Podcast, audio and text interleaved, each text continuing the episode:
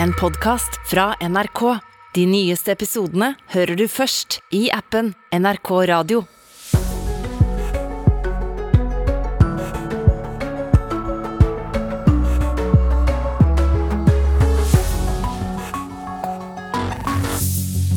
God morgen. Det er mandag og ny uke. Klima står bl.a. på plakaten i dag. Fattige land vil at rike land skal betale for klimaødeleggelser.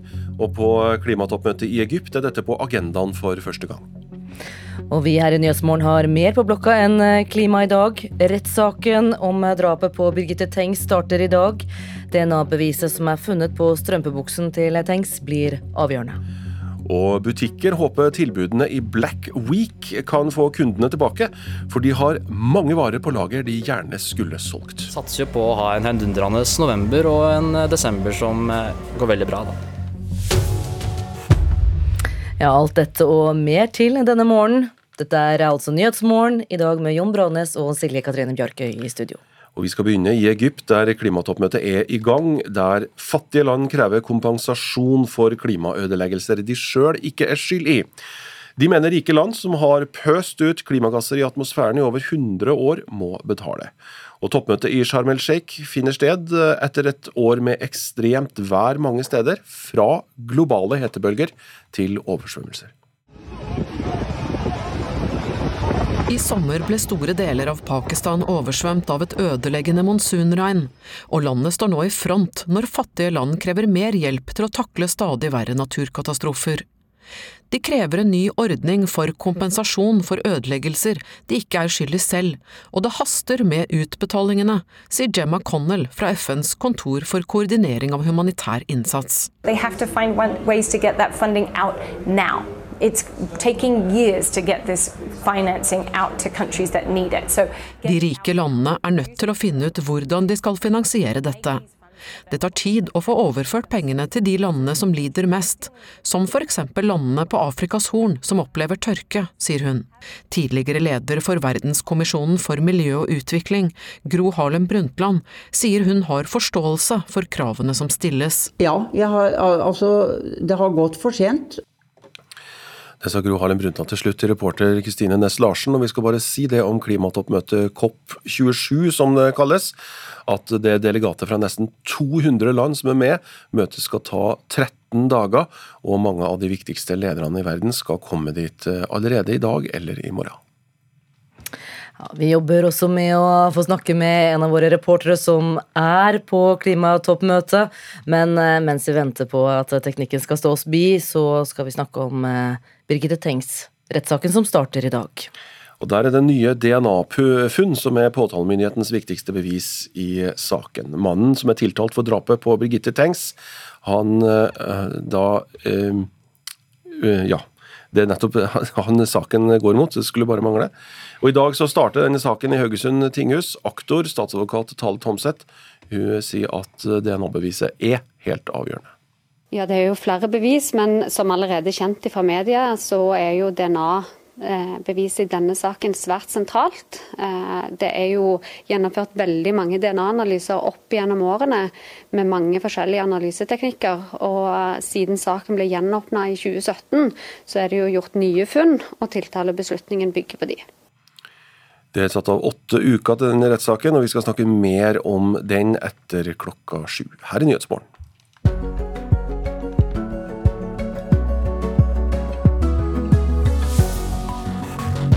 Ja, Nå til noen andre nyheter eh, på morgenen.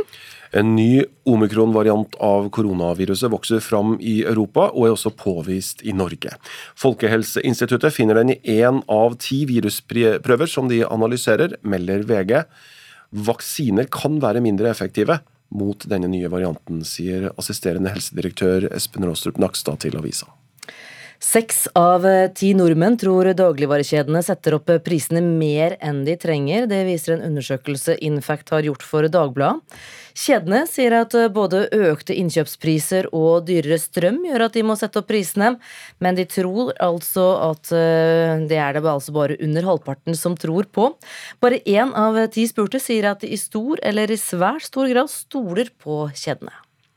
Og så tar det fortsatt for lang tid å behandle klagesaker hos Nav og Trygderetten. Det mener Riksrevisjonen, som senest i fjor ga disse etatene det de kaller alvorlig kritikk. Og siden da har behandlingstida økt, melder Dagsavisen i dag. I Trygderetten så var den gjennomsnittlige behandlingstida på 359 dager i fjor, og det var 100 dager mer enn året før. Og Samtidig sier Nav sjøl at en klagesak om sykepenger kan ta 52 uker. Da skal det handle om klimatoppmøtet igjen, for verdens fattige land øyner nå et aldri så lite håp om at de kan få mer hjelp med å håndtere konsekvensene av klimakrisen eller klimaendringene i hvert fall. Og det dreier seg da om tap og de skadene som landet opplever som følge av global oppvarming. For første gang så blir dette satt eh, på den formelle agendaen under et eh, klimatoppmøte. Og det møtet det skjer akkurat nå i egyptiske Sharm el Sheikh. Reporter Eivind Molde, du følger dette møtet som da altså offisielt starter i dag. Hva betyr dette helt konkret?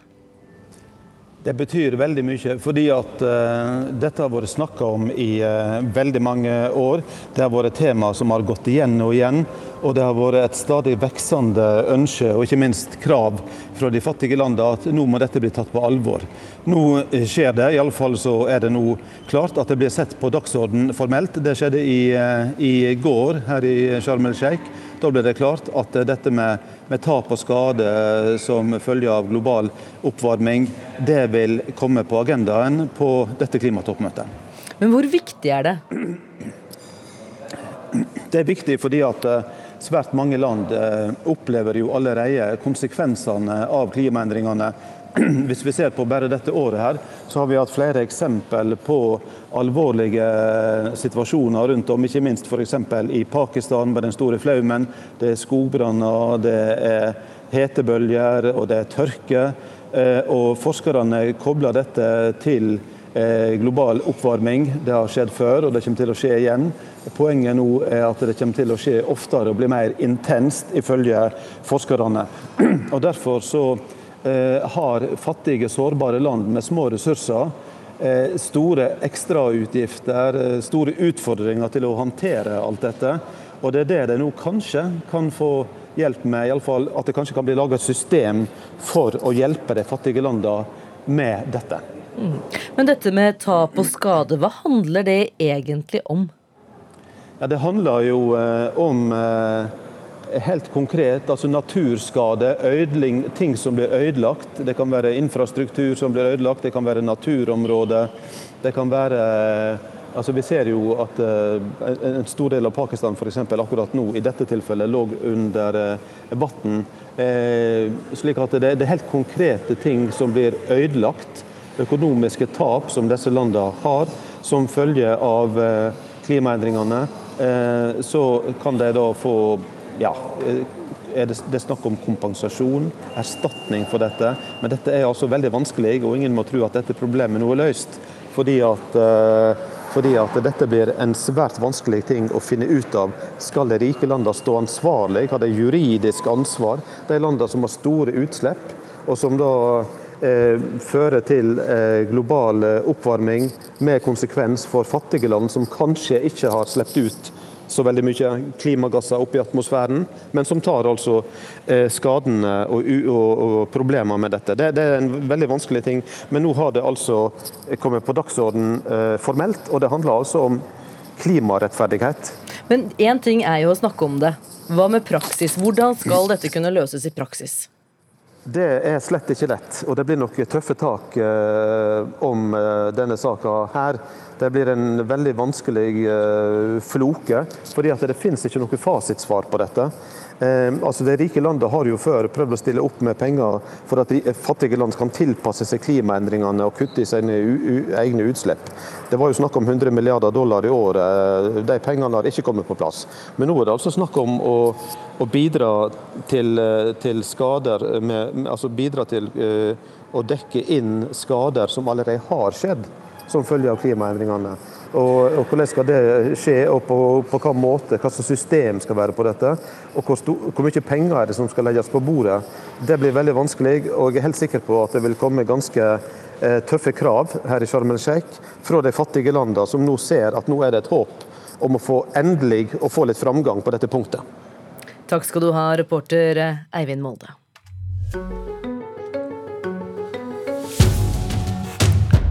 Om kort tid så starter rabattuka Black Week, og analytikere spår at omfang av tilbud og rabatter kan bli større enn noensinne. Folk handler jo nemlig mindre enn før, samtidig som butikkene sitter med store varelagre som de sliter med å bli kvitt. Vi har egentlig merka nå i november, slutten av oktober nå i starten av november at kunder kommer og prøver produktene våre først, og så se om de passer, for de ønsker seg på en ønskeliste. Og så kommer gjerne vedkommende rundt om i Black Week. Da. Så vi merker kjempe uh, at uh, i siste uken i november, som Black Week er i år, så kommer det nok til å komme masse kunder for å kjøpe julegaver. Hos Anton Sport på Storo i Oslo håper Alexander Daviknes Bårdsen at kundene snart strømmer til butikken for å handle. Om mindre enn to uker starter den såkalte Black Week, som i år er enda viktigere for handelsnæringa enn før.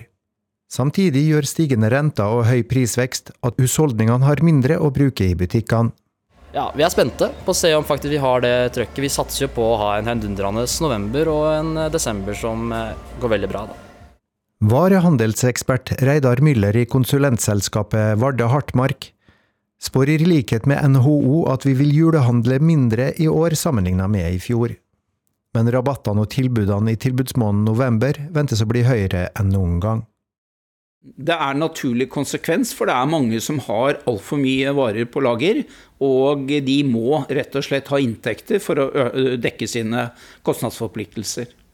Det er en kjempetøff kamp om forbrukernes lommebok. Det er ikke uvanlig at vareprisene settes opp før kampanjene starter. Dermed er kanskje ikke tilbudene så gode som de kan se ut når den samme vara senere selges med rabatt. Men prissammenligningstjenester på internett gjør at det er lettere å sjekke hva ei vare har kosta over tid. Det er mange kunder bevisst på, sier varehussjef Daniel Batti ved Power på Storo. Vi merker jo det at kunder er eh, mer prisbevisste enn før, og at man kanskje venter på de ordentlig gode tilbudene før man slår til. Ehm, at kunder på en måte sjekker veldig nøye hva som er et godt tilbud og ikke. Fordi man har jo veldig mange verktøy til å sjekke det, hva som prishistorikk, rett og slett. da. Reporter her, det var Johan B. Settem. Det er valgkampinnspurt i USA, for i morgen skal amerikanerne velge bl.a. guvernører, flere senatorer, representanter til Kongressen, og i flere delstater er det lokalvalg. Og USAs tidligere president Donald Trump sørger for å holde seg i sentrum. I går holdt han valgmøte hjemme i Florida, samtidig med at partifelle og rival guvernør Ron DeSantis holdt et annet. USA-korrespondent Tove Bjørgaas, det virker ikke som de to trekker helt i samme retning som dagen før mellomvalget? Nei, i går så var det et slags konkurrerende valgmøter i ulike ender av Florida eh, mellom de to. Og Ron DeSantis, han, for de som ikke vet hvem han er, så han er altså guvernør i store og viktige Florida, som nå forsøker å bli gjenvalgt. Og han har eh, ymtet frampå om at han er interessert i å stille til presidentvalget om to år.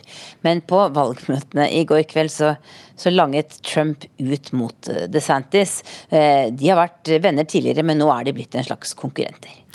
Trump kalte rivalen sin for Ron the Sanctimonious, altså Ron the Skinnhellig. Hvor kom det til navnet fra? Nei, han, eh, han, hevdet eh, på sitt vanlige sarkastiske vis at DeSantis forsøker å heve, sette seg selv over andre mennesker. Han har vært en, eh, en politiker som har vært opptatt av å, bl.a. hva barna skal lære på skolen, og sørge for at ting går godt og riktig moralsk for seg i, i Florida. Men det er åpenbart en konkurranse mellom de to nå, og her er det også mange spekulasjoner nå rundt at Trump sannsynligvis kommer til å annonsere veldig snart at han ønsker å stille opp ved presidentvalget om to år. Og at det kanskje til og med kan skje i valgkampinnspurten, eller i hvert fall like etter valget. Eh, og skulle han gjøre det i valgkampinnspurten, så er det mange som mener at det vil være uheldig for, for en del av kandidatene som stiller opp. Du er jo sjøl nå i nabostaten til Florida, nemlig Georgia. Der er det både guvernørvalg og det er valg til Senatet som er veldig spennende. Sittende senator Raffel Warnock fra Demokratene han utfordres av en tidligere fotballstjerne. Herschel Walker får støtte fra republikanerne trass i flere skandaler under valgkampen. Hvordan ser det ut nå før folk skal stemme i morgen?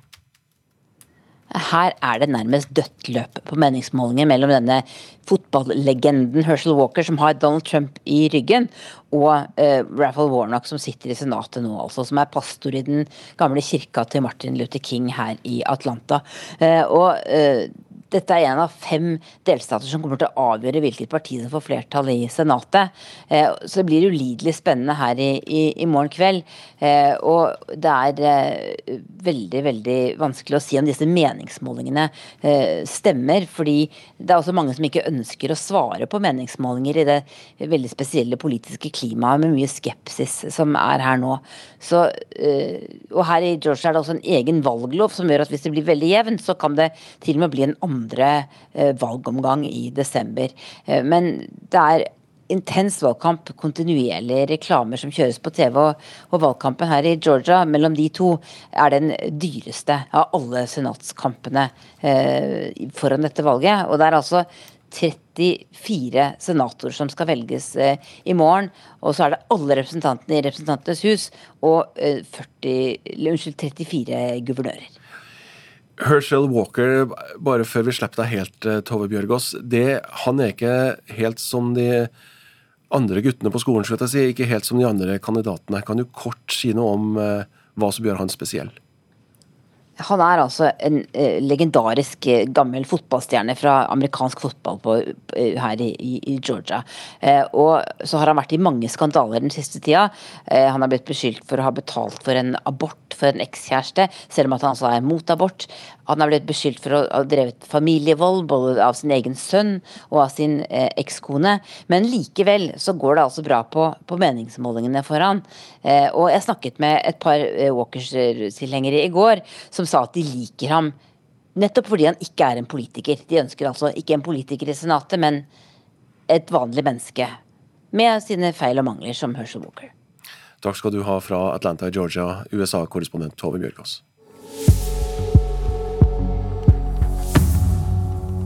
Dette er Nyhetsmorgen i NRK P2, P1 pluss og i NRK1. Klokka er blitt 6.47. Eh, Rettssaken eh, om drapet på Birgitte Tengs starter i dag. DNA-beviset som er funnet på strømpebuksa hennes, blir avgjørende. Han har ingen forklaring på hvorfor hans Y-kromosom, eller kjønnsmarkør som det heter, har havna på strømpebuksa til eh, Birgitte Tengs. Fattige land vil at rike land skal betale for klimaødeleggelser. Klimatoppmøtet i Egypt åpner offisielt i formiddag. Og snart får du høre det russiske bandet Pussy Riot. Aktivistene oppfordrer Vesten til å boikotte Russland for å få slutt på krigen i Ukraina. Helse Bergen må kutte et tosifret millionbeløp i akuttmedisinsk avdeling som følge av regjeringens stramme forslag til statsbudsjett. Og det kan føre til at to natteambulanser rundt Bergen kan bli historie. En av dem på Straume i Øygarden. Erik Nilsen, som kjører ambulansen der, han frykter at det verste kan skje. I verste fall så blir det dødsfall. Det er jo det vi frykter mest. At folk skal bli sykere, eller eventuelt i verste fall dø fordi at de må vente for lenge. Ambulansearbeider Erik Nilsen ved Straume ambulansestasjon i Vestland frykter det verste når det nå må kuttes et tosifret millionbeløp i Helse Bergen. Natten blir enda mer travel enn det den er. Oppdragene kommer ofte samtidig. Vi kan ikke planlegge oppdrag. De kommer når de kommer, og da er vi opptatt. Og da må de trekke biler fra andre stasjoner utover her for å utføre de. Spørsmålet er om sykehusene tåler en så hard dreining på rattet. Det sier administrerende direktør i Helse Bergen, Eivind Hansen. Også fødetilbudet på Voss om sommeren kan ende under kniven. Det kan gi økt press på ambulansetjenesten. Hansen vektlegger at det ikke er bestemt hvor Helse Bergen skal kutte ennå. Alle steiner må snus, men kuttene skal være forsvarlige, vektlegger han. Vi er ikke ute etter å svekke fødetilbudet. Vi er ikke ute etter å svekke ambulansetilbudet. Vi er ute etter å sikre at vi prioriterer ressursene våre riktig. Det er et veldig stramt opplegg som er levert fra regjeringa. Jeg forstår at det er forslag som vekker reaksjoner. Helseminister Ingvild Kjerkol fra Arbeiderpartiet viser til den økte prisveksten, og sier at hun forstår at ulike kuttforslag vekker oppsikt. Hun ønsker imidlertid ikke å kommentere enkeltforslag. Det er veldig viktig for meg å si at de som har akutt behov for helsehjelp, de skal få det. Det er det viktigste helsetjenesten skal ivareta. Ja, det sa ambulansearbeider eh, der. Det reporter var Linnea Skare Oskarsen. Om to uker så starter altså VM i fotball for menn i Qatar. Et land der homofili er ulovlig. I Storbritannia har den tidligere fotballstjerna Rio Ferdinand laga en dokumentarserie om bl.a. homofobi og rasisme i toppfotballen. Han mener mye må gjøres med holdningene, også i Vesten. I've played in stadiums where there's people doing monkey chants, um, making those noises, which isn't nice. Den tidligere Manchester United-stopperen Rio Ferdinand syntes ikke det var hyggelig å få apelyder ropt mot seg på fotballbanen.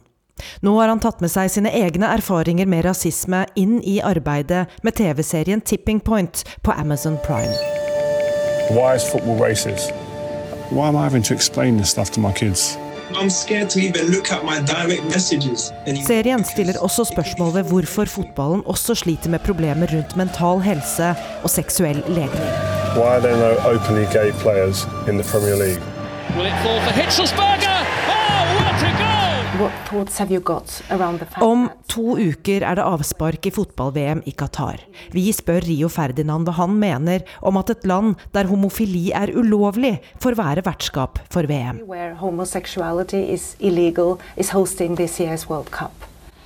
Yeah, listen, I think a lot of countries have different aspects that us in the Western world would look at and go, well, that's not right in our country.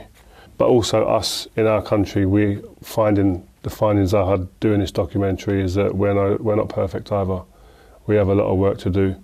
Selv om Ferdinand er uenig i hvordan andre land gjør ting, vil han fokusere på manglene i Vesten.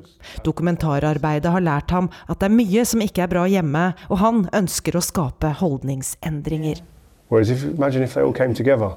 And that's my, my, that would be a dream scenario for me, like to see us, all these current players come together and go, no, no, we don't agree with that. Den tidligere fotballspillerens drømmescenario er at dagens spillere går samlet ut med sin motstand mot rasisme og homofobi. Inntil videre håper han dokumentarserien kan bidra til å opplyse folk. Hopefully over time and more focus is put on these issues, um, the more people will see and be educated and change their views. What have you learned about who is to blame for the fact that this uh, has been going on for many, many years? A lack of education for people. I think education's a, a, a big issue, um, and ignorance. Mangel på utdanning og uvitenhet er hovedproblemet, mener altså Rio Ferdinand, som håper å kunne bidra til å skape en ny og bedre fremtid i fotballen. Shaping the next phase of, of what racism looks like, maybe in football or sexuality or mental health. Thank you. Let's get going. Rio Ferdinand intervjuet her av vår London-korrespondent Gry Blekastad Almås. Og fra fotball så skal vi over til håndball, for i går spilte det norske håndballandslaget sin andre kamp i årets europamesterskap. Og de regjerende mesterne de møtte et ungt sveitsisk lag. Sveitserne de forsøkte å ta Norge på senga med uortodoks taktikk, men de norske kvinnene de lot seg ikke vippe av pinnen og vant til slutt komfortabelt. Men der er det over. Norge vinner altså 38-21. En overlegen seier for de norske håndballkvinnene som har kommet godt i gang med Europamesterskapet med to seire på to kamper. Sveits prøvde seg med taktiske vrier, som å spille syv mot seks nesten hele kampen. Landslagskaptein Stine Bredal Oftedal mener dette var bra for Norge og verdifull trening. Det, det, passet oss egentlig veldig fint. Så nei, som forventet, og, og vi gjorde det bra, syns jeg. Tidligere landslagsspiller og nå NRKs håndballekspert Marit Malm Frafjord roser sveitserne for at de faktisk ga det et forsøk. De går liksom ikke inn til kampen og godt at de tenker at de, at de ikke tror de kommer til å vinne, men de går i hvert fall inn inn til kampen med å gi alt de har. og De prøver litt forskjellige taktiske ting. Jeg syns det, det, er artig å se at de, at de, prøver, og se om de kan klare å overraske Norge. Den sveitsiske landslagsspilleren Mia Emenegger bekrefter at de prøvde å sette ut Norge. Yeah, we tried to um, confuse them a little bit, so we had a chance for us. We, our, our only goal was to um, score some goals against such a team. Um, So we had to um, try something new. Maren Årdal synes derimot ikke at Sveits sin taktikk var noe spennende. Ja, de spiller jo faktisk sju mot seks hele kampen. Det, er jo litt, eh, det blir jo litt kjedelig egentlig, fordi eh, ja, de spiller det samme hele tida. Eh, så det blir en tålmodighetsprøve. Men samtidig så får vi rullert på mange spillere. Alle sammen får komme inn og få kjent på mesterskapet. og Det er veldig viktig for lagfølelsen. Reporter her, det var eh, Edvin Strømme. Og neste kamp i EM for Norges del, det er mot Ungarn i morgen kveld. Og den eh, kampen den hører du på radiokanalen NRK Sport klokka 20.15. Nå er klokka 6.55. Det russiske bandet Pussy Riot har jo da flykta fra hjemlandet Russland pga. motstand mot president Vladimir Putin og hans regime. I dag så lever musikerne og de politiske aktivistene som nomader i Europa. Bandet oppfordrer Vesten til total boikott av Russland, og mener det er den eneste måten å stoppe krigen på.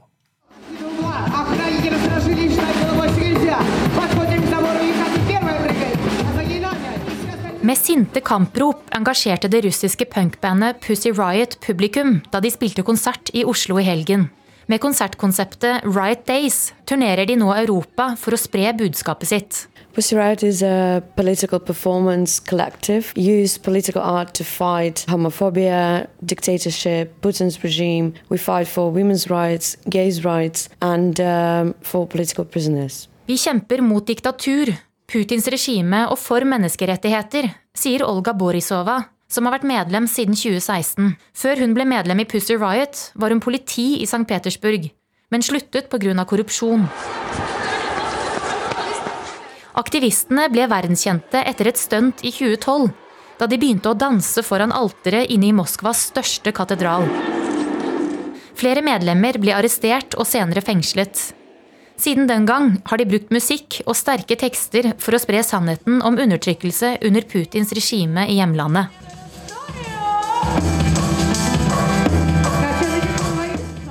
Og den harde punkemusikken kommer med en klar beskjed til Vesten. We need complete embargo. I'm talking about not about Norway right now, but in the West in general, and uh, do not compromise Putin's regime, because uh, some leaders think that they can uh, deal with Putin, but they're wrong. Vesten må innføre en total handelsblokade og stoppe pengestrømmen til Russland. Man kan ikke forhandle med Putin, og vi må hjelpe Ukraina, sier Borisova.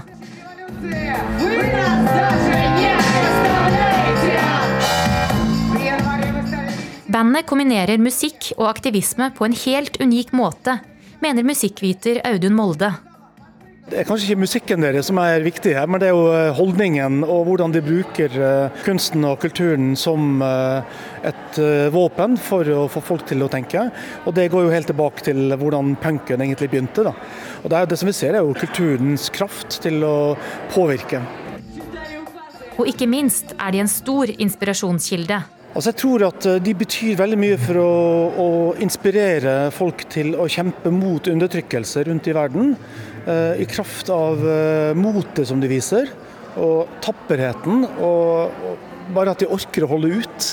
Nå som bandet har flyktet fra Russland, ønsker de å være ansiktet utad til de mange russerne som er igjen, og som også er imot krigen. We will continue to tour the world with ride Days. We will continue to help Ukraine. We will continue to record new songs and uh, talk about this war as loud as possible. Reporter i dette innslaget var Kristin Sverre Østensvik. Er du eh, en av dem som eh, sliter med å stå opp. I tilfelle så er du eh, langt ifra alene. På nrk.no så er eh, lesernes beste tips nå samla og publisert. Og vi må nesten ta noen av disse tipsene, da. For det første, ha en fast rytme. Legg opp til åtte timers søvn. Tips to, hold på den faste rytmen. Ikke la den glippe for deg. Ja, Og det gjelder også i helga, er det ikke sånn? Ja, jeg syns det. Ja. Senk temperaturen. Under 15 grader er eh, faktisk helt ok. Mange sover veldig mye bedre da.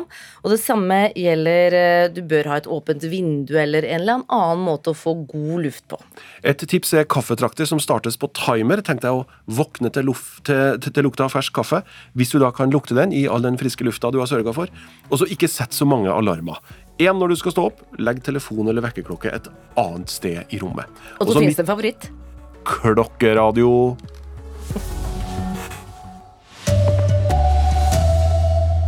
God morgen fra NRK Dagsnytt, klokka er sju.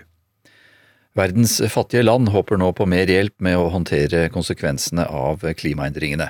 På klimatoppmøtet i Egypt skal landene som deltar diskutere en ordning for kompensasjon til land som rammes av klimaendringer.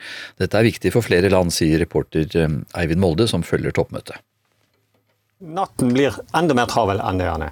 Oppdragene kommer ofte samtidig. Vi kan ikke planlegge oppdrag. I verste fall så blir det dødsfall. Det er jo det vi frykter mest. At folk skal bli sykere, eller eventuelt i verste fall dø fordi at de må vente for lenge. Dette var ikke eh, Eivind Molde fra klimatoppmøtet i Egypt, men eh, dette var ambulansesjåfør Erik Nilsen. Han kjører ambulanse på Straume i Øygarden, men han eh, frykter for at Helse Bergen må kutte et tosifret millionbeløp i akuttmedisinsk avdeling pga. regjeringens stramme forslag til eh, statsbudsjett. og Det kan altså føre til at to nattambulanser rundt Bergen blir eh, historie.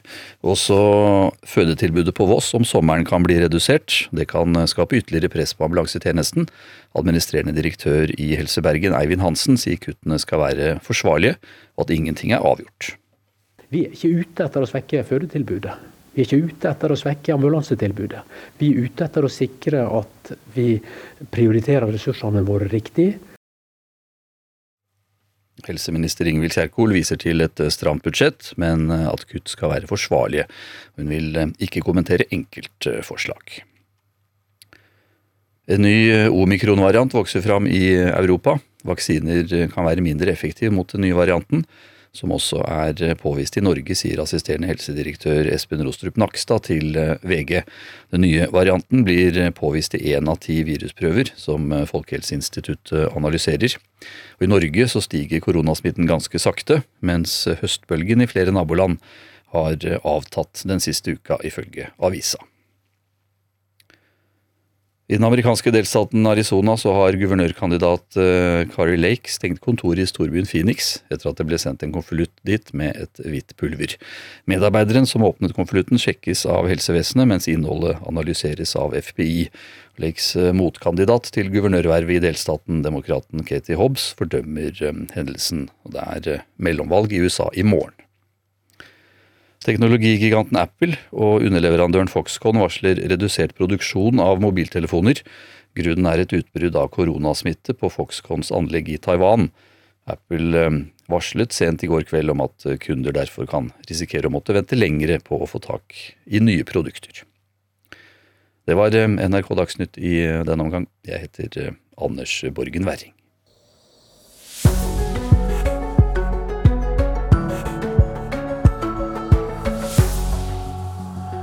Tre minutter over sju, Nyhetsmorgen fortsetter inn i dagen.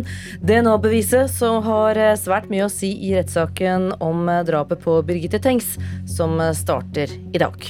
Og i gang er også klimatoppmøtet i Sharm el-Sheikh. Fattige land trenger at rike land betaler for ødeleggelsene som klimautslippene fører med seg, og de får støtte av Gro Harlem Brundtland. De må ofte betale svære renter for å låne penger til å investere. Og det må vi hjelpe dem med å få ned. Om eh, bare ett døgn skal amerikanerne velge representanter og senatorer til Kongressen. Og alt dette og mer til får du altså i Nyhetsmorgen eh, i NRK1, NRK P2 og i NRK Nyheter på radio. I studio i dag Silje Katrine Bjarkøy og Jon Brannes. DNA-materialet fra tiltalte som er funnet på Birgitte Tengs strømpebukse, blir helt avgjørende i rettssaken som starter i dag. Aktor statsadvokat Tale Tomseth mener det knytter den 52 år gamle mannen fra Karmøy til drapet på Birgitte i mai 1995.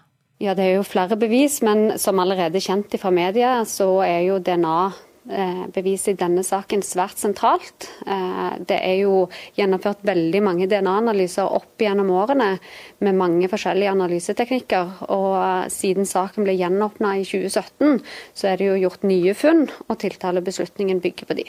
DNA-sporet er det desidert viktigste beviset aktor, statsadvokat Tale Tomseth har mot den tiltalte 52-åringen fra Karmøy. I en blodflekk på Birgittes strømpebukse har DNA-eksperter fra Østerrike og Nederland funnet Y-kromosom som de er sikre på kommer fra tiltalte. Jeg vil ikke gå inn og kommentere DNA-beviset utover det jeg nå har sagt. Det har jo selvfølgelig å gjøre med at uh, dette blir svært sentralt for retten å, å håndtere. Hadde denne saken kommet for retten uten dette DNA-beviset? Nei. Årsaken til at ekspertene er sikre på at Y-kromosomet kommer fra tiltalte, er at det har skjedd en mutasjon som gjør at andre slektninger er utelukka. Det er satt av fire dager i uke fire og uke fem av rettssaken til DNA-beviset. Dette blir svært sentralt for retten å, å håndtere. Ja, altså Han har ingen forklaring på hvorfor hans Y-kromosom, eller kjønnsmarkør som det heter, eh, da eh, har havna på strømpebuksa til eh, Birgitte Tengs. Det sier advokat Stian Christensen. Han er forsvarer for den tiltalte Karmøy-mannen. Så vet en en del om dette knyttet opp til DNA-teknologi, og, og, hvordan eh, biologisk materiale kan transporteres, eh, som ikke nødvendigvis trenger være direkte kontakt. Sånn at Det er jo et av de viktige temaene som vil komme i, eh, i forbindelse med, med hovedforhandlingen. 52-åringen nekter for å ha drept Birgitte Tengs. Og Christensen mener derfor at DNA-sporet kan ha kommet på Birgittes strømpebukse på en annen måte. Ja, Det kan skje via indirekte, eh, enten via andre personer eller gjenstander eller eh, felles møtepunkt. Eh, det kan tenkes mange muligheter for det. Og Dagens teknologi er så fintfølende at det er et helt annet system, en helt annen teknologi enn det var i 1995. Statsadvokat Tale Tomseth mener likevel at DNA-beviset vil holde i retten. Når eh, Riksadvokaten beordrer tiltale, eller påtalemyndigheten tar ut tiltale, så er jo det fordi at man mener at bevisene holder til en domfellelse. At vi mener at det er riktig gjerningsperson, og at det kan bevises utover enhver rimelig fornuftig tvil. Ja, det sa altså aktor i saken, statsadvokat Tale Tomseth. Reportere her, det var Gisle Jørgensen og Kjersti Hetland. Du er med oss også direkte på morgenen, reporter Gisle Jørgensen i Haugesund. 27 år etter drapet så mener altså påtalemakta at de har riktig gjerningsmann. Hva betyr denne rettssaken for folk på Karmøy? Det har jo vært et uh, åpent sår uh, helt siden en av deres uh, egne ble drept. Ei, 20, ei 17 år gammel jente som ble både brutalt voldtatt og drept. Og så ble jo fetteren tiltalt. Han ble først dømt, og så ble han uh, frifunnet, men likevel dømt til å betale 100 000 kroner til Birgittes uh, foreldre i erstatning. På fredag så ble jo den dommen endelig oppheva, men det forteller vel egentlig alt om hvor vanskelig denne saken har vært for lokalbefolkningen. Uh, der en nå etter hvert har innsett at det altså har gått en drapsmann fri. Og så håper en jo nå at en endelig skal få noen endelige svar på denne saken. Mannen som er tiltalt, han er 52 år i dag, og han var en mann midt i 20-åra da 17 år gamle Birgitte Tengs ble drept. Hva kan du fortelle om ham? Ja, det er jo en mann som eh, ganske tidlig i etterforskningen ble tipsa inn av eh, både en psykolog som han hadde overfalt eh, noen år tidligere, og flere polititjenestemenn som, som, som tipsa han inn som en typisk moduskandidat. Altså en person som har begått eh, eh, seksualiserte overgrep tidligere. Han hadde blotta seg og gjort en del forskjellige ting. Nå skal det understrekes at dette gjør han ikke til drapsmann i utgangspunktet. Men han ble tipsa en, en rekke ganger. Eh, politi og påtalemyndigheten fikk eh, godt over 20 tips og innspill totalt sett på mannen.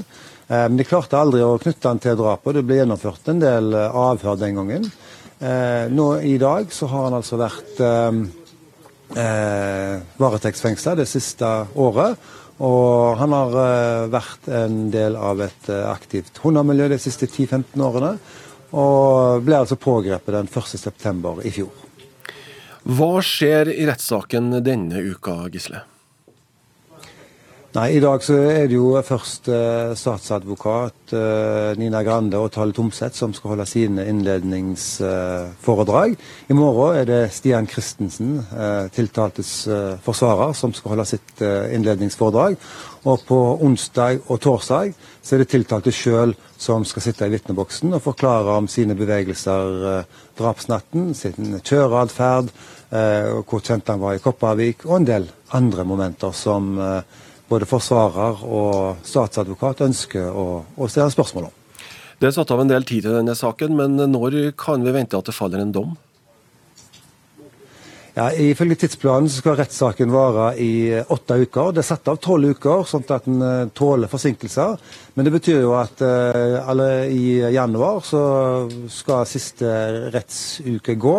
Og da kan en jo forvente et svar i løpet av vinteren. Men dette her er jo en omfattende sak, og det kommer til å ta mer enn en uke for å si det sånn, uh, tenker jeg, å skrive den dommen. Sånn at en gang i slutten av januar, kanskje begynnelsen av februar, er det lov å forvente et, et svar.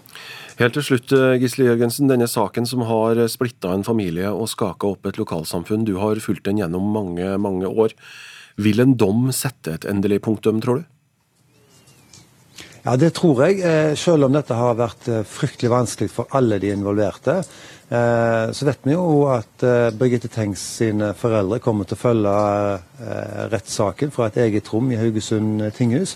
Og Det ønsker jo aller mest å få et endelig svar. Eh, og det, det håper en jo at en kan få på alle sine vegne her. At eh, en kan få et svar på hva som skjedde med Birgitte Tengs fredag 6. mai 1996. Unnskyld, 1995. Tusen takk skal du ha, Gisle Jørgensen. Rettssaken starter altså klokka 9.30, og du kan følge den på nrk.no.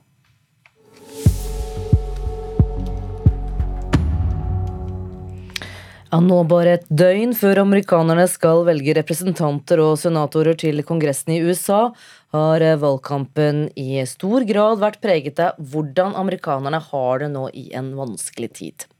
Vår USA-korrespondent Lars Os har reist rundt i Pennsylvania for å snakke med velgere. I'm worried about the direction of the country. I think right now we need to have as many conservatives in Congress as possible. Jeg møter Bill Griffin inne på en brannstasjon i Ben Salem i Pennsylvania. Han har som de fleste der møtt opp for å høre den republikanske kandidaten Mehmet Oss, som ønska å bli senator i Kongressen. Griffin er lei. Han vil ha en endring, og mener den økonomiske situasjonen har mye å si for valget mange vil ta på tirsdag. Office, for, for det er ikke bare i Pennsylvania velgerne er opptatt av inflasjon og økonomien sin.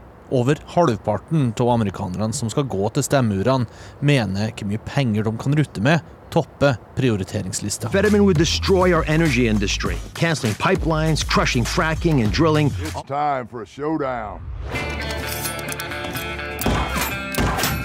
Og så er det alle de politiske reklamene som går på TV, radioen og i sosiale medier. It's a DC game! Det er anslått at begge partier vil bruke over 100 milliarder kroner bare på reklame i år. Tre ganger så mye som sist mellomvalg. Og til og med mer enn presidentvalget i 2020. I regnet i lille Newville, Pennsylvania, møter jeg paret Steven og Connie Bressmeyer. Vi er alle her for å se på Halloween-paraden bygda arrangerer hvert år. Mens det den kvelden var lite politikk i gatene, er Conny veldig opptatt av hva hun mener om pengebruken iblant politikerne.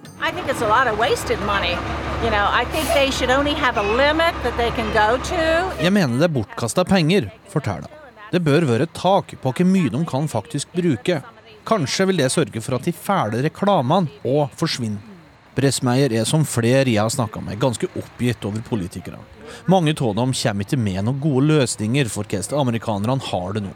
De er for opptatt til å hogge på hverandre.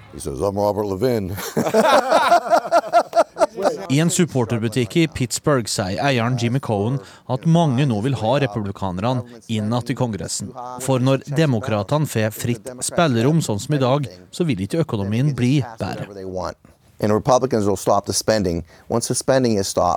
Hvis republikanerne kommer til makta i Kongressen, vil de få stoppa den enorme sløsinga.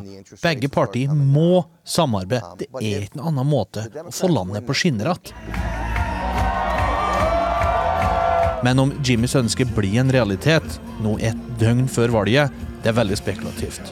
Mest sannsynlig da, vil mellomvalget i 2022 i USA få den største valgoppslutninga i historien.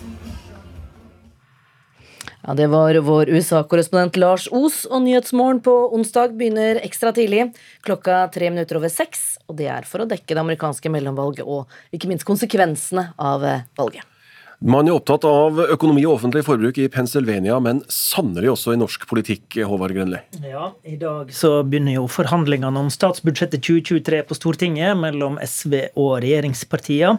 Og det er jo der det til slutt blir avgjort hvor mye staten skal bruke, og hvor mye som blir dratt inn i skatt og alt det der. Og da blir strøm og energi en del av de samtalene. Absolutt. Et viktig forslag fra regjeringa var jo å øke skattlegginga av kraftbransjen. Men eh, kraftselskapene har protestert kraftig på dette. De mener forslaget går utover utbygging av mer fornybar kraft. Og fornybar kraft vil vi jo ha. Det er helt avgjørende for om vi skal nå måla i klimaforhandlingene, som vi straks skal få høre mer om her i Nyhetsmorgen. Kraftbransjen møter regjeringa i Politisk kvarter når vi kommer dit. Og det er om en eh, veldig, veldig knapp eh, halv time. 29,5 minutter, faktisk. Vi gleder oss, Håvard.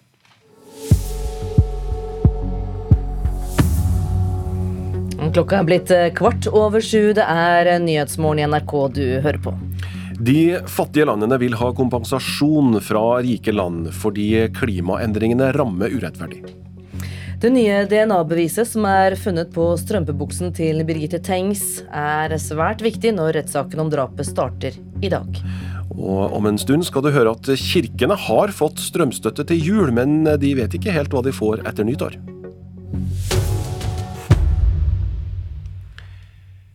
Da skal vi til eh, dette med klima, ja, og toppmøtet i Sharm el-Sheikh i Egypt, der fattige land krever kompensasjon for klimaødeleggelser. Kravene rettes mot rike land som har pøst ut klimagasser i atmosfæren i over 100 år. Møtet finner sted etter et år med ekstreme værforhold, fra globale hetebølger til oversvømmelser. I sommer ble store deler av Pakistan oversvømt av et ødeleggende monsunregn, og landet står nå i front når fattige land krever mer hjelp til å takle stadig verre naturkatastrofer. De krever en ny ordning for kompensasjon for ødeleggelser de ikke er skyld i selv, og det haster med utbetalingene, sier Gemma Connell fra FNs kontor for koordinering av humanitær innsats. They have to find ways to get that funding out now. It's taking years to get this financing out to countries that need it. So, De rike landene er nødt til å finne ut hvordan de skal finansiere dette. Det tar tid å få overført pengene til de landene som lider mest, som for eksempel landene på Afrikas Horn som opplever tørke, sier hun. La oss håpe at dette toppmøtet kan bli et møte hvor man handler, og ikke bare kommer med løfter, sier Peter Kamalingen fra den humanitære organisasjonen Oxfam. On, uh, finance, the 100 billion does not only need to be made, but it also needs to be doubled if we are to Beløpet de rike landene har forpliktet seg til å betale, 100 milliarder dollar, bør dobles, sier Kamalingin, som mener de faktiske kostnadene for tap og skade som følge av klimaendringene er langt høyere. Men mange av de rike landene, som står for de høyeste utslippene, er i dag i en kostbar energikrise som følge av krigen i Ukraina. Dermed sitter det lenger inne å hjelpe utviklingsland med å takle naturkatastrofer.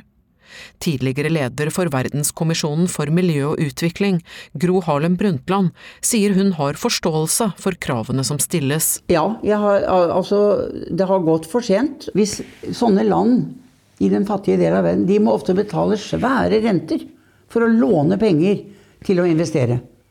Og det må vi hjelpe dem med å få ned. Og da er det vårt internasjonale system som må bidra. G20 og eh, våre internasjonale allerede eksisterende institusjoner som kan gjøre dette. Gemma Connell fra FN har nok et budskap til Norge. I tillegg til utbetaling av kompensasjon må Norge også se på hvordan avhengigheten av olje, som ødelegger planeten og menneskenes livsmiljø, kan bli mindre, sier hun. Look to the future. Look to your reliance on fossil fuels. Look to the way that that is harming the planet, not just the planet, but the people of this planet, and find a different future. Verken klima- og miljøminister Espen Barth Eide eller utviklingsminister Anne Beate Tvinnereim har vært tilgjengelige for kommentar til denne saken, som var laga av Kristine Næss Larsen, Eivind Molde og Vegard Kjørom. Solveig Aamodt, seniorforsker i CICERO, god morgen. God morgen. Du, Nå som årets møte er på det afrikanske kontinentet, så har dette gitt eh, forventninger eh, om at landene i sør nå skal få sjansen til å sette agendaen. Hva er det de afrikanske landene håper at kommer til å gå igjennom på dette møtet? Ja, Det blir jo kalt for Afrikas klimatoppmøte, nettopp fordi det er Egypt som eh, er vertskap. Eh, og de vil eh, to ting. Det ene er finansiering. Det andre er for så vidt også finansiering, men det viktigste de vil ha, det er finansiering til å tilpasse seg klimaendringer. At det skal komme konkrete mål på det, og konkrete, mer konkrete løfter. Og det som går på tap og skade, altså kompensasjon for klimaendringer som allerede skjer, og som det er for seint å tilpasse seg og for seint å, å, gjøre noe, noe med. Eh, så altså kompensasjon og, og erstatning eh, for de eh, ødeleggelsene som allerede skjer. Mm. Er dette noe de vestlige landene kommer til å gå med på? Det kommer nok mer penger på bordet. Eh, jeg håper i hvert fall det. Eh, men ikke så mye som de afrikanske landene og de andre landene i sør ber om, eh, og heller antagelig ikke så konkret, eh, med konkrete mål i den størrelsesorden som de landene vil ha.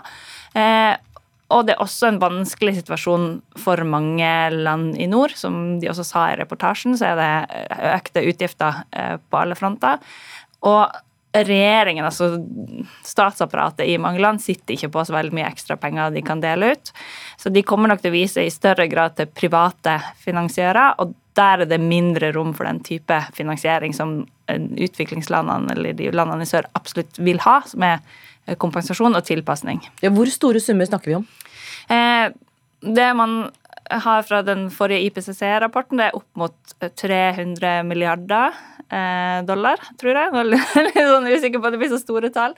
Eh, men det er ganske store summer. så det er en, tredobling av det som man har lovt eh, på, på, klimafinansiering på, på, 100 milliarder dollar. Og den summen har man ennå ikke nådd, og det er også et krav som man da ber om økning på. Og de 300 det er da til tilpasning. Men hva konkret kan disse pengene brukes til dersom de kommer, da? De skal brukes til å altså erstatning for tap som allerede er litt. Altså de som har mista avlingene sine, mista hjemmene sine.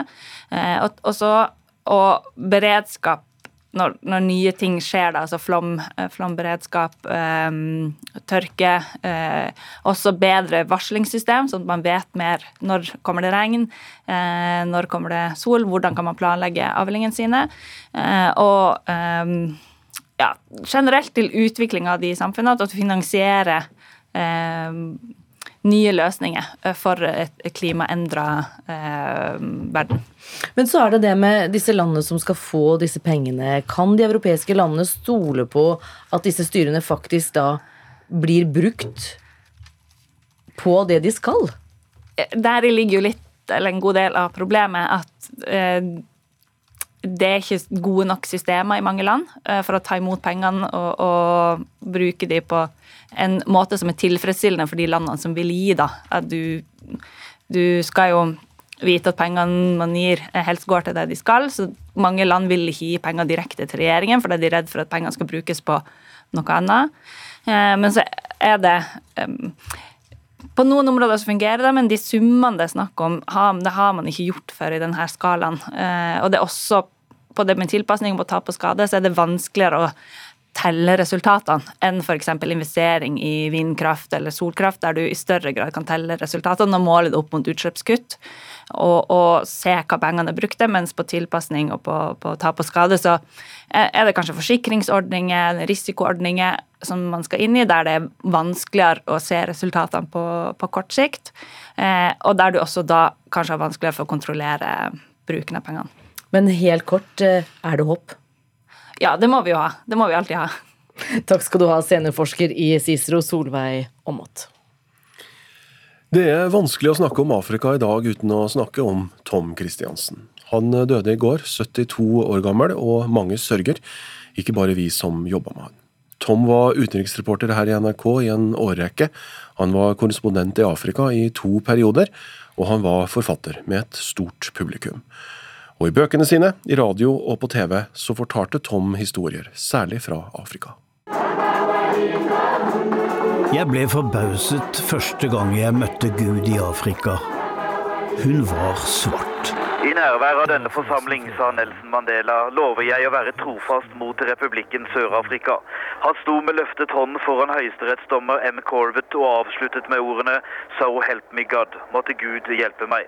Kampene startet for ni dager siden, og soldatene kjemper med til dels tungt artilleri. Til tross for våpenhvilen som ble inngått for to dager siden, opprørsgeriljaen RPF forbereder seg på å angripe hovedstaden Kigali i Rwanda. For jeg fikk den unike anledning det var å kunne se et presidentpalass fra innsiden. Og derfor dro jeg til Juba og ble rådgiver for Salva Kiir i to år. Jeg møtte han hver dag. Nelson Mandela er symbolet på en frihetskjemper, mens de Klerk for mange en representant for det regimet som holdt Mandela i fengsel i 27 år. Sånn er det blitt med Gud i Afrika.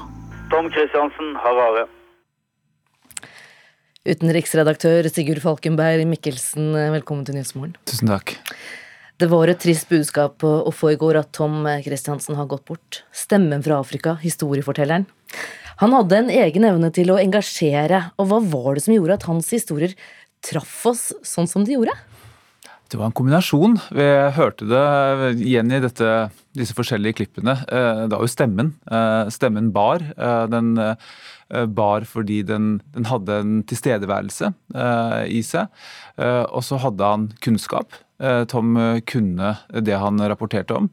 Det tror jeg ga ham trygghet. Og så uh, var det jo evnen da, til, å, til, å, klare å formidle og fortelle. Se hva som var viktig, legge bort uh, det andre. Uh, og det, det, gjorde at budskapet hans og historiene hans og reportasjene hans kommer til å huskes lenge. Men på hvilken måte vil du si at han utmerket seg med disse historiene fra Afrika? Han fortalte dem så gjerne, om det så var ja, enten som journalist eller om det var som forfatter det var ønske om å få fram alle nyansene. Altså, han skygget ikke unna for å fortelle om det som var vanskelig, men var alltid opptatt av å fortelle om også det som fungerte, der det var uh, håp. Og så uh, var Tom aldri fordømmende, uh, verken i holdning eller rapportering. Han konsentrerte seg om det menneskelige, det menneskelige drama. Mange husker kanskje det korrespondentbrevet han skrev eh, om eh, som ble bare hetende Gribben, som dette bildet som ble tatt i Sør-Sudan eh, av en gribb som, eh, som, venter på en eh, Nesten, i hvert fall kan det se ut som, da, eh, en jente som holder på å dø av sult. Og Der forteller han historien om fotografen som tok dette bildet. det er en mørk historie. det ender jo med at fotografen tar sitt eget liv, men Tom forteller dette med en menneskelighet likevel. Og Det, det tror jeg uh, gjennomsyrer uh, all journalistikken hans. Og Tom kom fra, så hadde han en livslang kjærlighet for bedehusmiljøet. Hvordan vil du si at det preget han som, som journalist? Han, eh, det var jo i hvert fall den gleden over å formidle. Han likte jo forsamlinger. Han likte å prate eh, i det offentlige rom. Eh, var et veldig sosialt menneske. Og så tok han jo med seg en gudstro som jeg tror også utviklet seg mye etter hvert. Og man kunne kjenne man, man kjente det på Tom at, at uh, her var det noe, noe litt annet. Uh, uh, og han var, han var, et menneske som veldig mange likte å prate med. og, så, og så var han den den, den, formidleren da, og den, den historiefortelleren. Det, det, tror jeg nok også uh, har noe med den bibelkunnskapen hans, som jo er en, en bok med, med, med, et, med, et, med, et, budskap og en uh, en, en rekke historier som eh, jeg syns man kan kjenne igjen også deler av rapporteringen til Tom. Mm. Og så snakket han alltid om at vi måtte finne de, de positive historiene fra Afrika, ikke bare de dramatiske. Han, han ville gjerne at vi skulle være litt konstruktive og, og, og, se på dette med håp. På hvilken måte vil du si at håp spilte inn i faktor i, eh, i, det Tom gjorde? Jeg tenker det på litt flere måter. Altså, det ene var at, eh, som vi snakket litt om i stad, at eh, selv i de mørkeste stundene så, så lå det en menneskelighet der. Eh, men noen ganger så var det også helt eh, konkret, eh, hvor han var opptatt av å få fram utvikling, forandring. Jeg husker vi lagde en reportasje sammen, jeg og Tom, da jeg bodde i Kairo og Tom var i Afrika lenger sør, hvor han var i Etiopia. Reiste inn for å lage en reportasje om den vann, altså dammen som holdt på å bygges der, og hvor mye elektrisitet det skulle gi til Egypt, og hvordan det, nei, unnskyld, til Etiopia, hvordan det skapte utvikling. Mens jeg på den andre siden laget en, en sak om bekymringene i Egypt for mindre vann fra Nilen. Men den, den, jeg husker reportasjen veldig godt, hvordan han var ute på landsbygda, snakket med folk, og drømmen bare om å få elektrisitet, og at det var noe det, det ville ikke kunne revolusjonere landet. og Den type konkrete reportasjer, det var han også glad i å lage. Utenriksredaktør Sigurd Folkenberg Mikkelsen, takk skal du ha.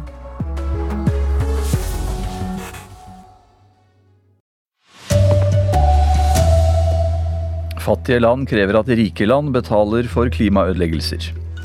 Blodflekk på strømpebuksa blir avgjørende. I dag starter rettssaken mot mannen som er tiltalt for drapet på Birgitte Tengs. Qatar kritiseres for homofobi i forkant av fotball-VM, men det er det mye av også i vestlige fotballklubber, sier tidligere fotballstjerne. Her er NRK Dagsnytt, klokka er 7.30. Under årets klimatoppmøte i Egypt krever fattige land kompensasjon fra rike land for klimaødeleggelser. Møtet finner sted etter et år med ekstreme værforhold, fra globale hetebølger til oversvømmelser. I sommer ble store deler av Pakistan oversvømt av et ødeleggende monsunregn, og landet står nå i front når fattige land krever mer hjelp til å takle stadig verre naturkatastrofer. De krever en ny ordning for kompensasjon for ødeleggelser de ikke er skyld i selv, og det haster med utbetalingene, sier Gemma Connell fra FNs kontor for koordinering av humanitær innsats. They have to find ways to get that funding out now.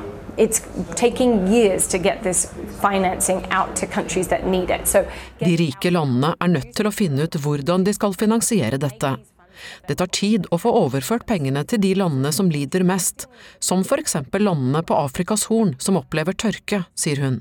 Tidligere leder for Verdenskommisjonen for miljø og utvikling, Gro Harlem Brundtland, sier hun har forståelse for kravene som stilles. Ja, har, altså, det har gått for sent. Hvis sånne land i den fattige delen av verden, de må ofte betale svære renter for å låne penger til å investere.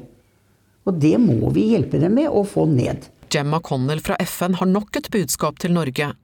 I tillegg til utbetaling av kompensasjon, må Norge også se på hvordan avhengigheten av olje, som ødelegger planeten og menneskenes livsmiljø, kan bli mindre, sier hun. Look to the future. Look to your reliance on fossil fuels. Look to the way that that is harming the planet, not just the planet, but the people of this planet, and find a different future. Verken klima- og miljøminister Espen Barth Eide eller utviklingsminister Anne Beate Tvinnereim har vært tilgjengelig for kommentar til denne saken. Reporter her, det var Kristine Næss Larsen. Kompensasjon fra rike land det er viktig for mange små og sårbare land, sier vår reporter som følger toppmøtet, Eivind Molde.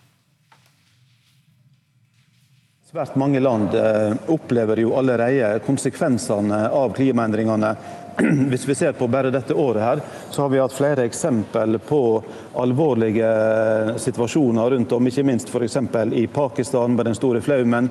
Det er skogbranner, det er hetebølger og det er tørke.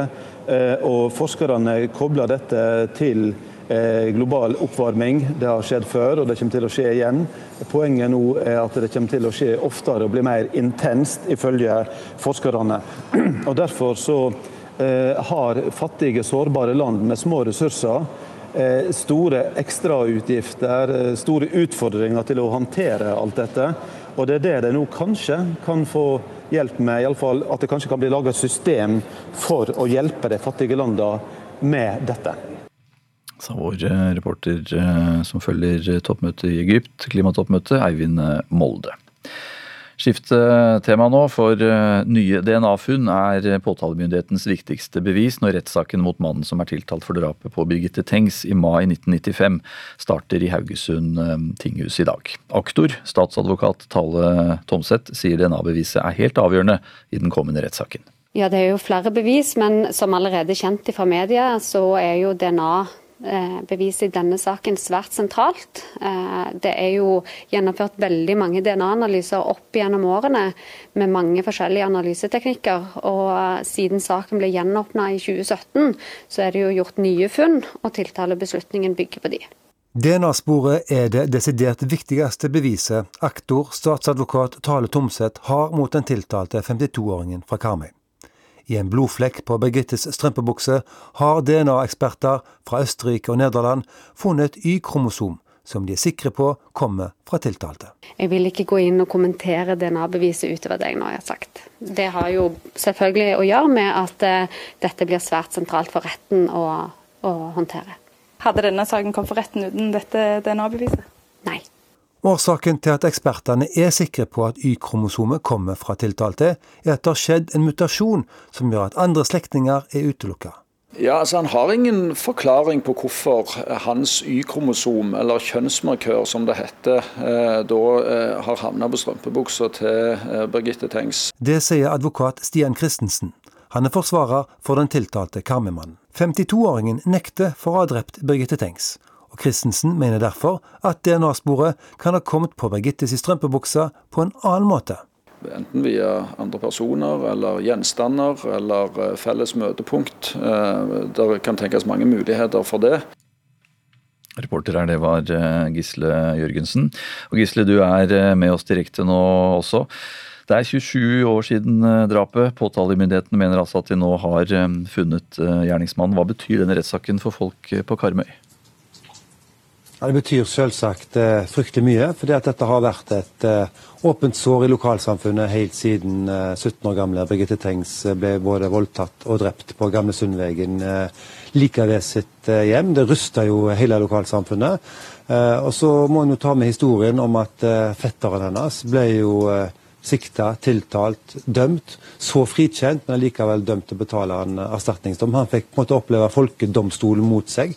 Eh, den dommen som han eh, ble tilkjent, eller som han måtte betale til foreldrene, den ble jo eh, oppheva på fredag. Så her har jo det vært sterke meninger gjennom alle år om hvem som drepte Birgitte Tengs. Nå håper en jo at en endelig skal få et svar gjennom den kommende rettssaken. Ja, Hva kan du si om tiltalte nå? Nei, Det er jo en 52 år gammel mann som har vært aktiv i hundemiljøet de siste årene. Men da Birgitte ble funnet drept, så bare få dager etterpå så ble han tipset inn som en moduskandidat, bl.a. av en psykolog som han hadde overfalt fem år tidligere. Det var tre politimenn som tipsa han som en moduskandidat. Og totalt så har politi- og påtalemyndigheten fått rundt 20 innspill og tips på vedkommende den gangen. Men de klarte altså ikke å knytte han opp mot drapet før det ble funnet DNA-spor i 2019. Og Når kan vi vente en dom i saken, Gisle? Det er satt av tolv uker i Haugesund tinghus. Ifølge tidsplanen skal det ta åtte uker å gjennomføre rettssaken. Så en gang utpå vinteren 2023 er det forventa at vi får en dom. Takk skal du ha, reporter Gisle Jørgen, som følger denne rettssaken. Den starter altså klokka halv ti i formiddag. Om to uker så starter fotball-VM i Qatar, et land der homofili er ulovlig. Den tidligere Manchester United-stopperen Rio Ferdinand kommer denne uka med en dokumentarserie om bl.a. homofobi og rasisme i fotballen. Han mener mye holdningsarbeid gjenstår, også i Vesten. I've played in stadiums where there's people doing monkey chants, um, making those noises, which isn't nice. Den tidligere Manchester United-stopperen Rio Ferdinand syntes ikke det var hyggelig å få apelyder ropt mot seg på fotballbanen. Nå har han tatt med seg sine egne erfaringer med rasisme inn i arbeidet med TV-serien Tipping Point på Amazon Prime. Why is football racist? Why am I having to explain this stuff to my kids?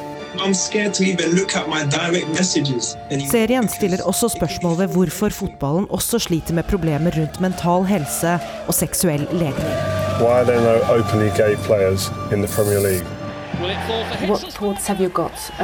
Om to uker er det avspark i fotball-VM i Qatar. Vi spør Rio Ferdinand hva han mener om at et land der homofili er ulovlig, får være vertskap for VM. But we're, no, we're Selv om Ferdinand er uenig i hvordan andre land gjør ting, vil han fokusere på manglene i Vesten. Dokumentararbeidet har lært ham at det er mye som ikke er bra hjemme, og han ønsker å skape holdningsendringer. Imagine if they all came together. That would be a dream scenario for me, like us, all these current players come together and go, no, no, we don't agree with that. Sa Rio Ferdinand til eh, korrespondent Gry Blekkastad Almås. En ny omikron-variant vokser fram i eh, Europa. Vaksiner eh, kan være mindre effektive mot den nye varianten, som også er eh, påvist i Norge. Det sier assisterende helsedirektør Espen Rostrup Nakstad til VG. Den nye varianten blir påvist i én av ti virusprøver som Folkehelseinstituttet analyserer. Det er Arild Svalbjørg som har ansvaret for NRK Dagsnytt i dag. Jeg heter Anders Borgen Werring.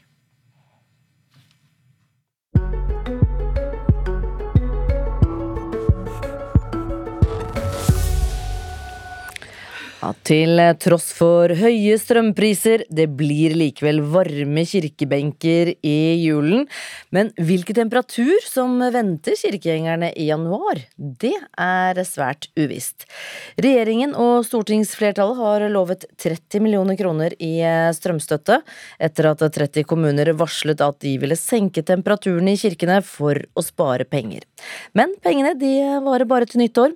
I Sedje kirke i Sogndal altså er de takknemlige for det de får, men de håper at de går en mild vinter i møte. Gjør døra høg, gjør porten vid. Se regjeringas strømstøtte komme hit.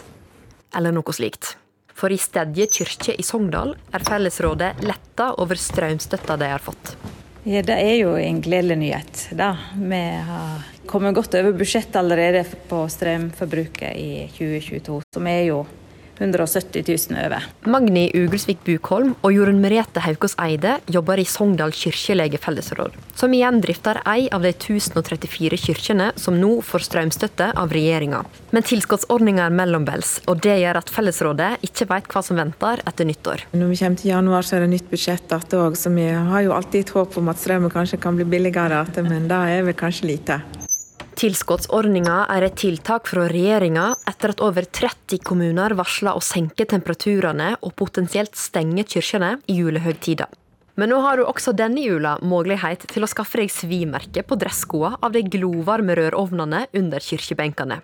Barne- og familieminister Kjersti Toppe er glad for tiltakene som nå trer i kraft er òg veldig viktig at eh, kirkene er åpne, særlig i den tida vi er i nå. Og eh, særskilt inn mot, eh, mot desember og adventstid og jul- og nyttårsfeiringer, så, så skal kirkene være der for folk. Og det er jo òg bakgrunnen for at vi kommer denne midlertidige tilskuddsordningen. Føresetnaden er at sokna får utbetalt strømstøtta før utgangen av 2022. Det betyr at fellesråda ikke kan annet enn å håpe på en mild vinter etter nyttår. Men kanskje mest av alt organisten, for det er ikke så trivelig å øve om temperaturene i kirkebygga igjen blir senka. Og så må en ta kortere, kortere utsikter. Være mest like mulig. Med votter i så fall? Ja, jeg kan spille meg sånn ut dit, men det er ikke noe godt.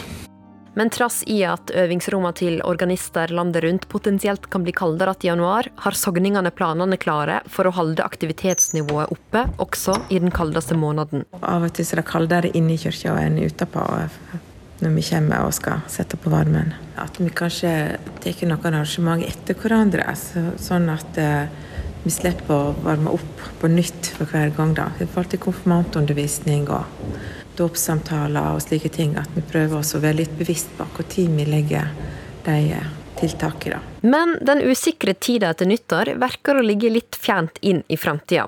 For tilbakemeldingene er utelukkende positive, sier Toppe. Dette var veldig etterlengta. Og så er det jo viktig for meg å understreke at dette er jo ikke nok, eh, for det jo, skal komme i tillegg til den finansieringa som kommunene eh, er plikta til etter, etter lova. Det er kommunene som har ansvaret for å finansiere kirkebyggene. Vi ser jo at det er vanskelig, og derfor så, så kom vi med disse millionene. Og eh, det er mange som har vært veldig glade for det. Det har jeg fått eh, mange tilbakemeldinger om. Det er klart det betyr mye. for Mange, mange kommuner har jo dårlig råd. Og da er vi jo avhengig av å få støtte andre plasser fra òg for å holde drifta i gang. Og drifta i Sogndal hun er i full fart mot ei glad og varm jul i Stedje kirke.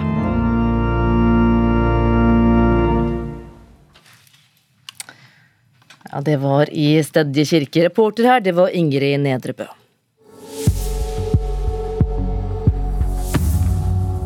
Det er Nyhetsmorgen du hører på. Klokka er eh, straks 7.45.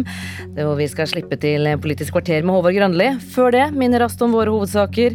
Fattige land krever at rike land betaler for klimaødeleggelser. Og en blodflekk på strømpebuksen blir avgjørende. I dag starter rettssaken mot mannen som er tiltalt for drapet på Birgitte Tengs.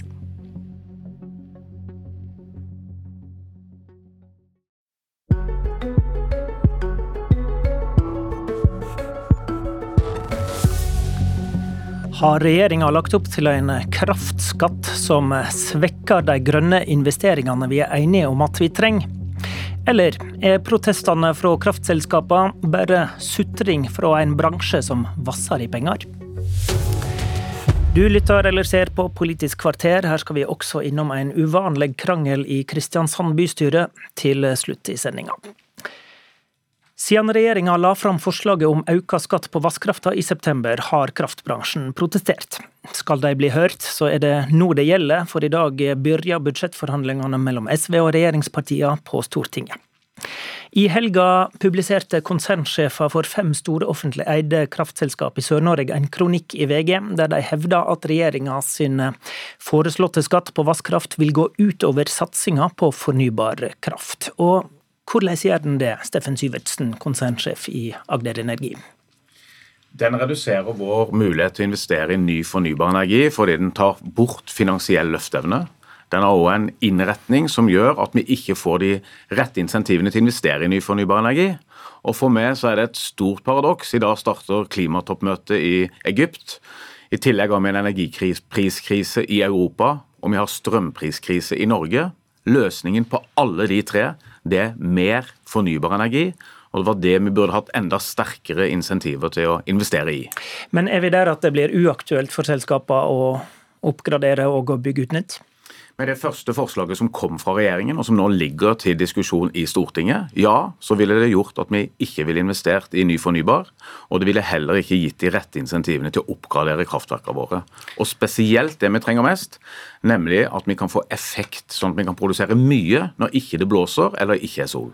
Men den delen av forslaget fra regjeringa som koster bransjen mest, det er et såkalt høgprisbidrag. Og det er en skatt som først inntrer når prisen er over 70 øre kilowattimer. Og disse, dette er jo priser vi ikke så for bare få år siden. Det var vel ikke umulig å bygge ut og satse nytt under et annet prisbilde heller? Nei, men det er sånn at eh, Vi bygger jo vannkraft spesielt da, for at vi skal kunne spare på vannkraften eller vannet i magasinene til når samfunnet trenger det mest. Og samfunnet trenger den kraften mest når prisen er høy. Og Hvis vi da får 90% skatt, som er faktisk det vi ville fått med den høyprisbidraget inne, ja, da lønner det seg ikke å bygge ut de kraftverkene. Og husk, når vi bygger et nytt vannkraftverk, så må vi få nesten, vi må få over 40-50 år som regel for at det skal bli lønnsomt med produksjon.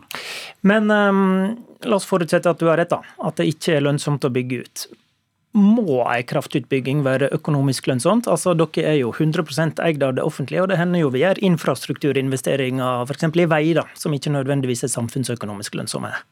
Ja, For våre selskaper, både for Statkraft og for de kommunalt eide kraftselskapene, så har vi et tydelig oppdrag. og Det er at vi skal skape avkastning til eierne våre, samtidig som vi skal bygge ut mer fornybar.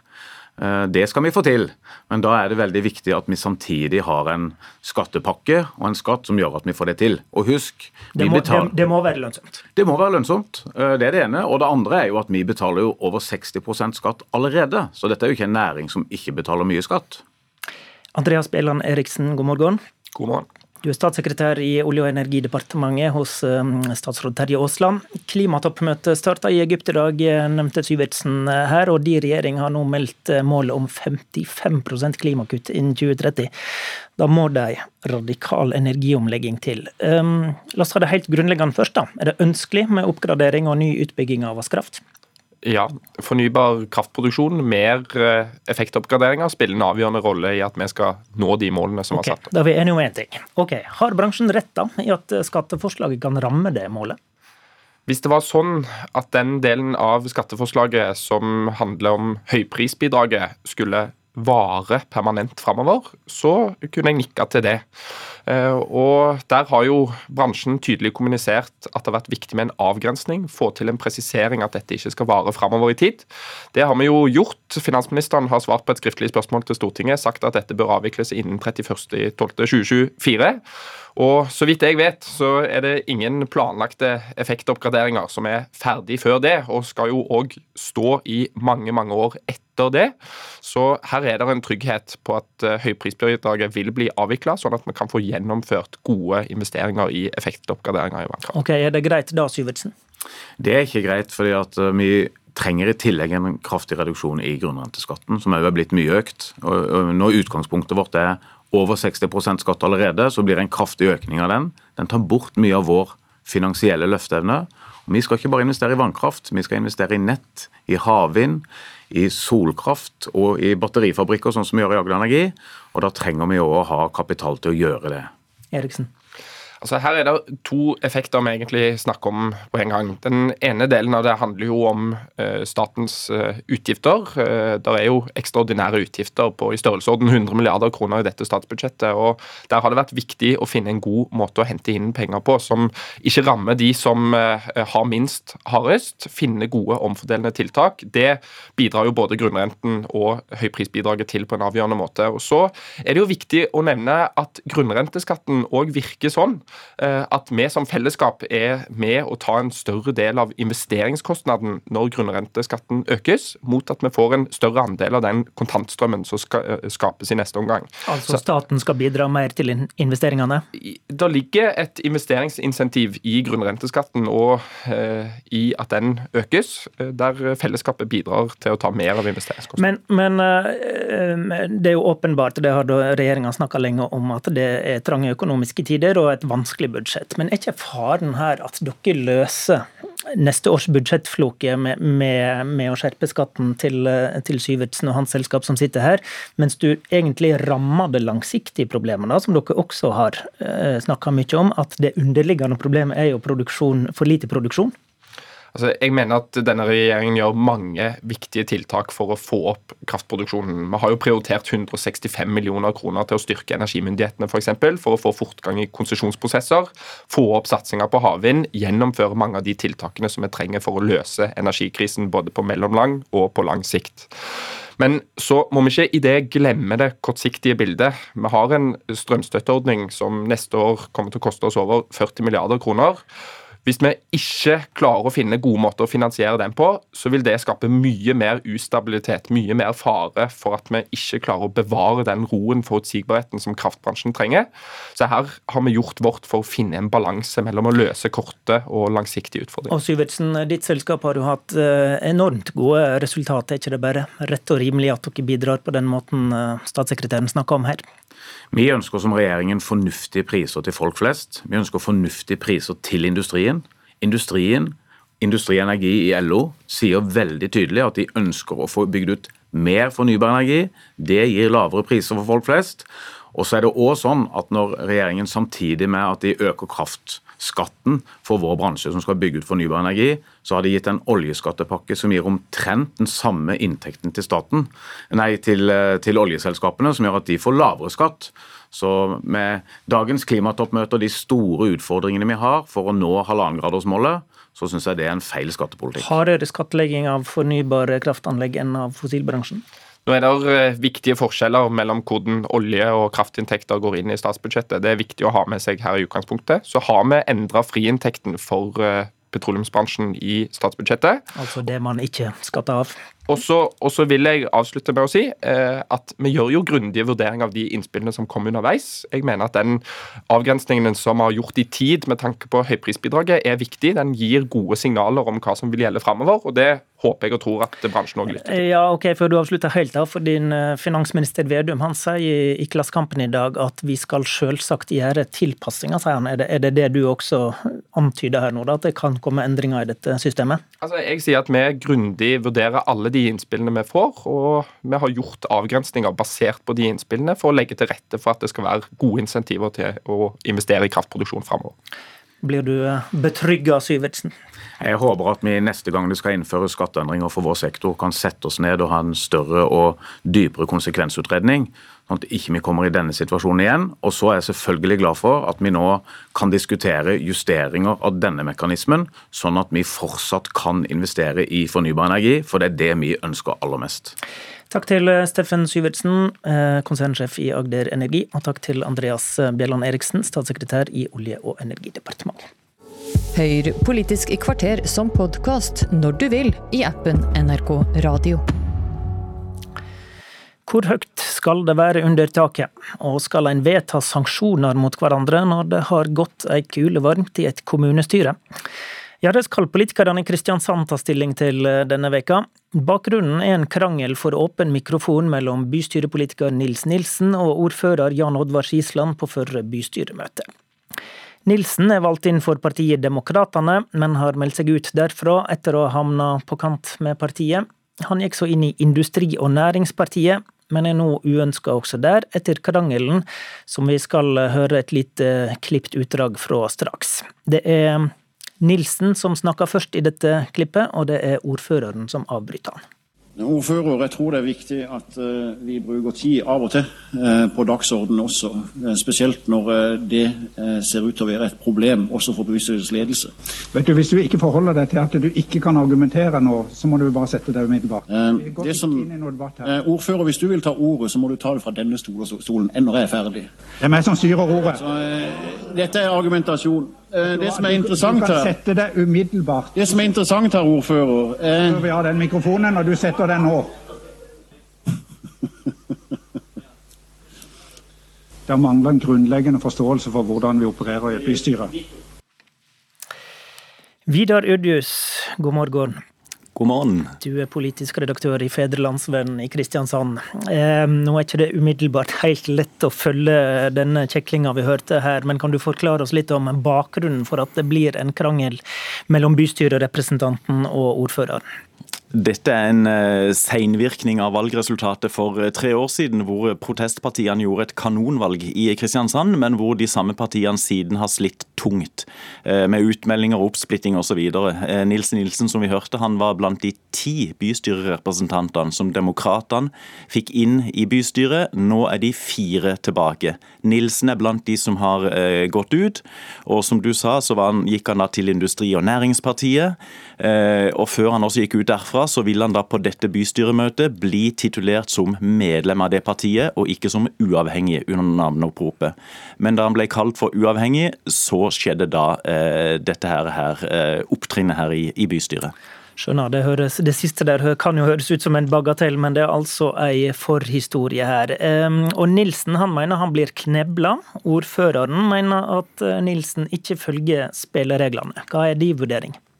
Jeg tenker det er mulig å ha ulike vurderinger av eh, spørsmålet om han skal tituleres som uavhengig eller som medlem av et parti som han er medlem av. Selv om den nasjonale ledelsen av det partiet har sendt brev til ordføreren og sagt at representanten Nilsen representerer ikke vårt parti i bystyret. Det tenker jeg det er mulig å ha ulike oppfatninger av, men jeg tenker det er å gå langt over streken og oppføre seg sånn som Nilsen gjorde i det klippet vi her eh, hørte. Det mer prinsipielt interessante er at um, denne krangelen får nå et uh, etterspill. Hva er det som skjer nå denne veka i Kristiansand? Eh, mandag ettermiddag kveld så har eh, de politiske partiene har gruppemøter i Kristiansand.